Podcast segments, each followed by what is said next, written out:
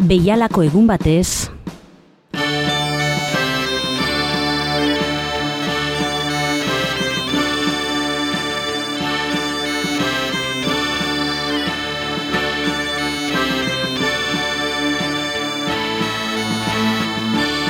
Agur eta ongi etorri Bilbo iria irratiko entzule zaren hori. Datozen minutuetan gure oroimenak gordetzen dituen kutsa irekiko dugu eta gure inguruko egileak, sortzaileak, artistak edota gertaera esanguratsuak bilakatuko ditugu protagonista.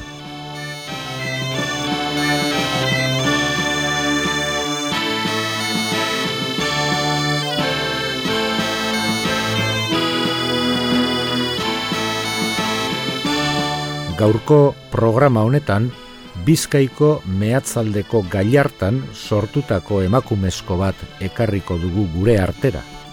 Emakumezko suarra, ausarta, aurrerakoia, apurtzailea eta fidela bere komunista ideiekiko.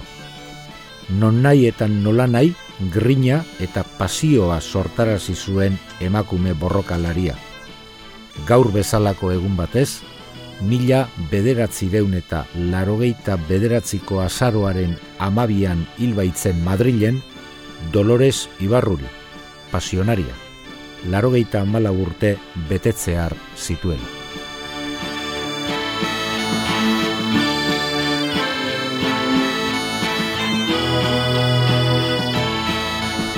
Denborarekin pasionaria ezizenez ezagutua izango zen Dolores Ibarruri Gomez, Gaiartan jaio zen mila sortzi deun eta larogeita amabosteko abenduaren bederatzean.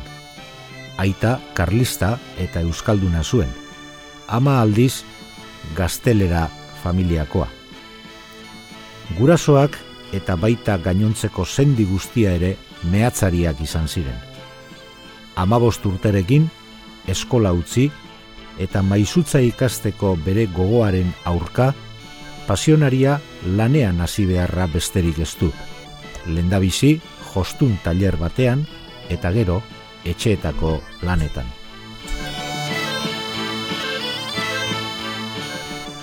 Hogei urterekin, Julian Ruiz, mehatzari sozialistarekin eskontzen da.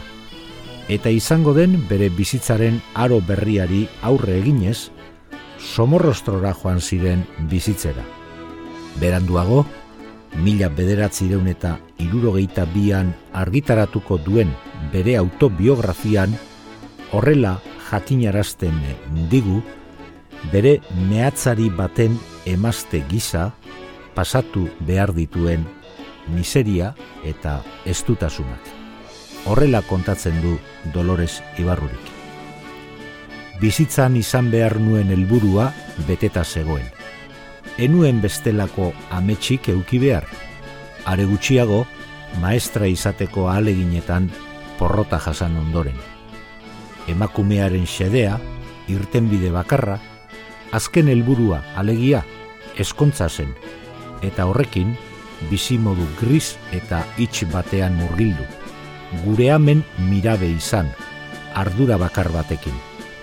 Aurrak erditu eta beraiek hasi baina irakurzaletasunak etorkizun itxi horretatik irteten lagunduko dio.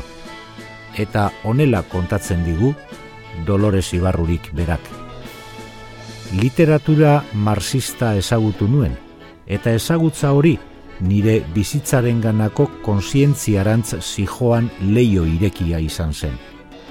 Nire fede katoliko zaharra atzean ari zen geratzen. Kostata, hori bai, nire kontzientzian ondorioak utzi nahi baitzituen. Zapore gazigozoa, itzal gizako bat, zalantzasko berdurra. Bestalde, hurbil ikusi ezarren, sozialismoaren aldeko borroka hasia zen nire bizitzari zentzua ematen. Indartuta sentiarazten ninduen zapaldu gisa bizi genituen baldintzei aurre egiteko.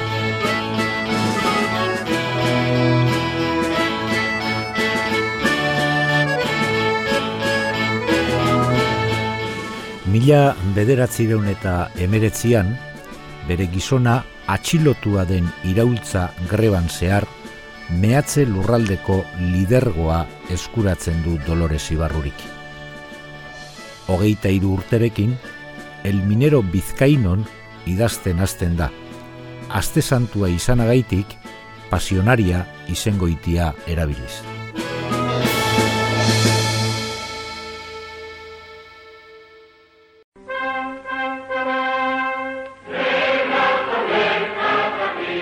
Mila bederatzireun eta emeretzian, Errusiar iraultzagaitik biziki txundituta, geroago, mila bederatzireun eta hogeita iruan, alderdi komunistaren sortzaile izango den talde tertzeristari atxikitzen zaio. Urte bat geroago, Bizkaiko alderdi komunistaren provintzia batzorkide izendatua izango da. Eta baita alderdi komunistaren lehen Bizkaiko ordezkaria ere, alderdiko emakume eta asaldatzaile ikaragarri bezala ezagutzera emango delarik.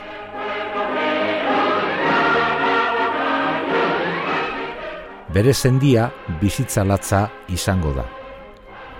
Izan zituen sei semeetatik lau urte gutxirekin hil ziren.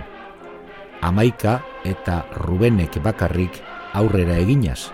Azken hau, Espainian, bosgarren erregimenduarekin borrokatu ondoren, Stalingradoko gudan alemanen aurka gudukatuz hil behar izatera bideratua egonaz. Primo de Riberaren diktaduran zehar, mila bederatzireun eta hogeita sortzian, karro izeneko kamaradarekin batera, alderdi komunistaren irugarren kongresura joateko izendatua izan zen, baina etzuen joaterik izan, mugabideak itxi egin zituztelako.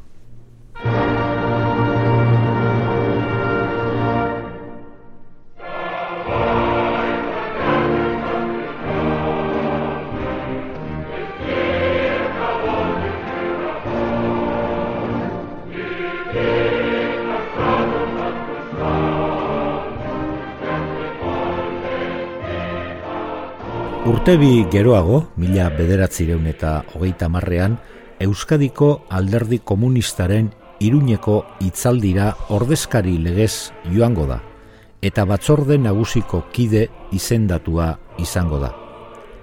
Monarkia erortzean, mila bederatzireun eta hogeita maikan, mitinetan eta baita hauteskunde kanpaina eta greba jardunaldietan ere parte hartuko du. Mundo obreron idazten hasiz. Mila bederatzi deun eta hogeita amaikako azaroan, Madrilera doa bizitzera. Lendabiziko aldiz atxilotua da. Somera kaleko atentatuan nahasi zuten. Madrilen espetxeratua izanez eta gero larrinagan. Abenduan konstituzio errepublikarraren aldarrikapenaren ondoren atxilotutako komunista eta anarkistak askatu ez izanagaitik protesta adierazgarri bezala gozegreban agertuko da pasionaria. Astebeteko askatasun aldia izan ezik, mila bederatzireun eta hogeita amairuko urtarrilera arte espetxean egon zen. Urte hau, pasionariaren jarduera handi baten urte hasiera izango da. Proinfancia obrera eta agrupación de mujeres antifascistas, Victoria Kent, Matilde Huizi, Irene Falcón, Luis Álvarez del Bayo eta Abarrekin antolatuko du. Gero, Espainiako gudan zehar zeregin garraintzitsua betetzera etorriz.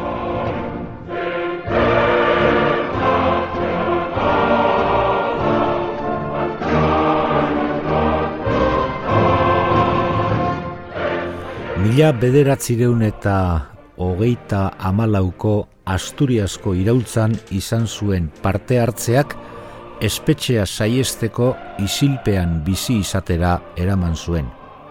Urrengo urtean, hogeita emeretzi urte zituelarik, iraultzaile errepresaliatuen ganako solidaritate kanpainarekin bat egiteko Parisera joan zen.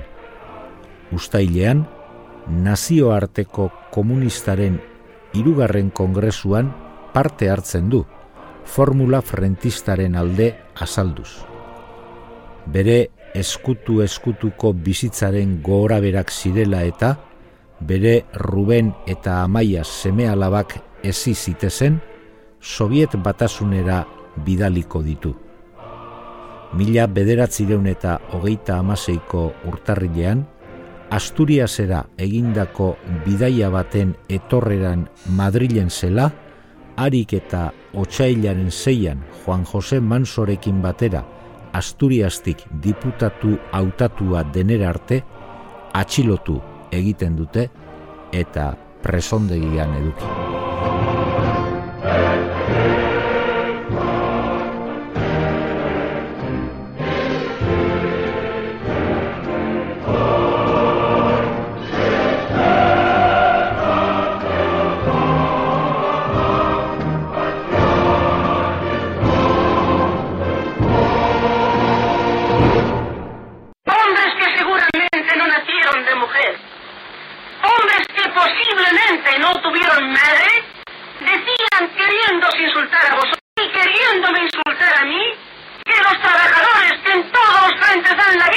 sangre por la causa de la libertad eran hijos de pasionaria. Pensaban hacerme una ofensa y no pudieron hacerme mayor honor que considerarme vuestra madre, que considerarme la madre de todos los heroicos combatientes que en nuestros frentes de lucha no vacilan en sacrificar su vida por la causa de la libertad, por la paz, por la justicia, por la cultura, por el progreso y por la república.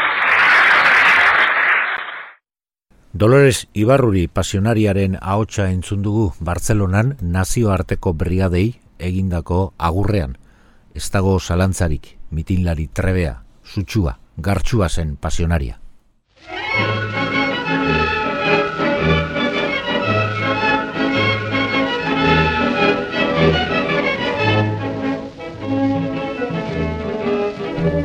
Mila bederatzireun eta hogeita amaseiko ustailean, guda astean alegia, Radio Madriden mintzaldi bate ematean gerora ospetsua izango den bere no pasaranekin bukatzen du mitina.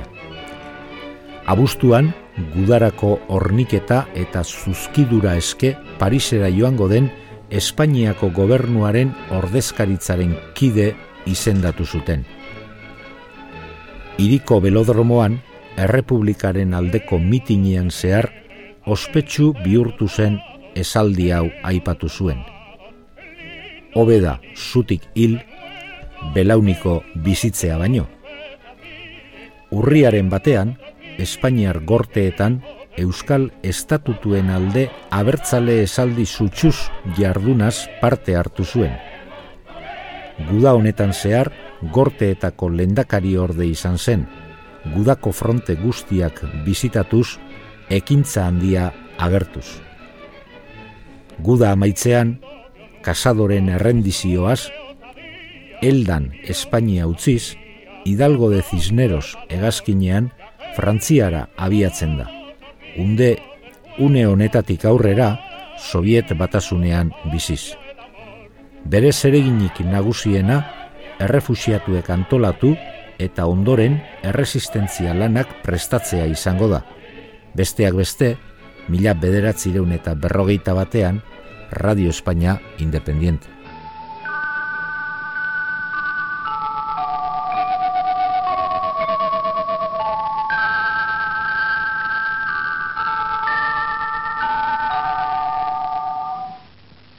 Habla Radio España Independiente, Estación Pirenaica. Mila bederatzireun eta berroita bian, figura mitiko eta ohoratua izanez, beraren oizkanpoko lastasunagaitik eta sovietar ortodoxiari irmo eusteagaitik nabarmendutako Jose Diaz hiltzean, Espainiako alderdi komunistako idazkari nagusi izendatu zuten pasionaria, nazio batasun antifrankistaren agiria izenpetuz. Pasionariaren Stalinen ganako fideltasuna erabatekoa izango da berrogeita amar eta irurogei garren amarkadetan. Naiz eta Enrique Listerren aurka Txekoslovakian mila bederatzireun eta irurogeita sortzian izandako Barsobiako ituneko indarren parte hartzea salatu egin zuen.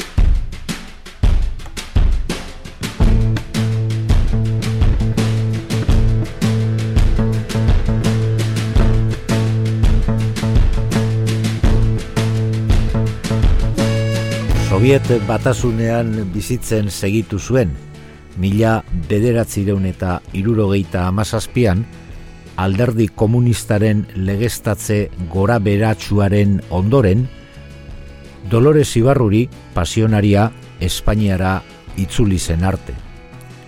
Hautezkunde ekintza ugaritan eh, parte hartuko du sasoi hartan, eta larogeita bi urterekin, orain gorte konstituzio gileetarako berriz, diputatu hautatua izango da Asturiastik.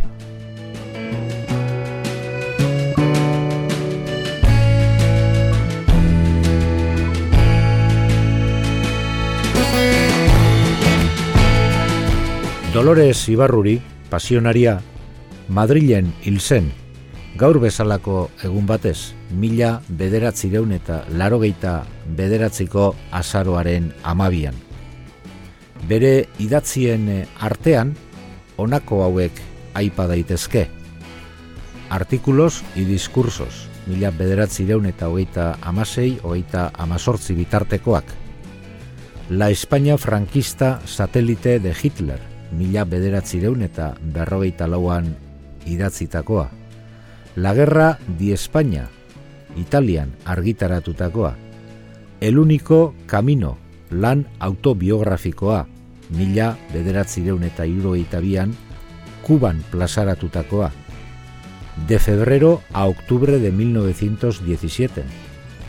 Mila bederatzireun eta irurogeita zazpian, Parisen argitaratutako lana en la lucha, palabras y hechos, Moskun, irurogeita sortzian, plazaratutakoa.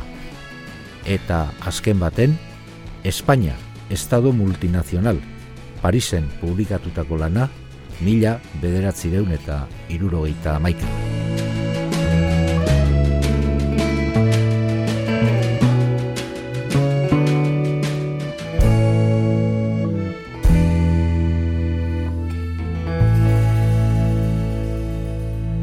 Eta onaino lagunok, Bizkaiko mehatzaldeko gaiartan sortutako Dolores Ibarruri Gomez, ez izenez pasionaria. Ezaguna izan zen emakumearen zenbait aipamen. Emakumezko zuarra, ausarta, aurrerakoia, apurtzailea eta fidela bere komunista ideiekiko. Non nahi eta nola nahi, grina eta pasioa sortarazi zuen emakume borrokalari.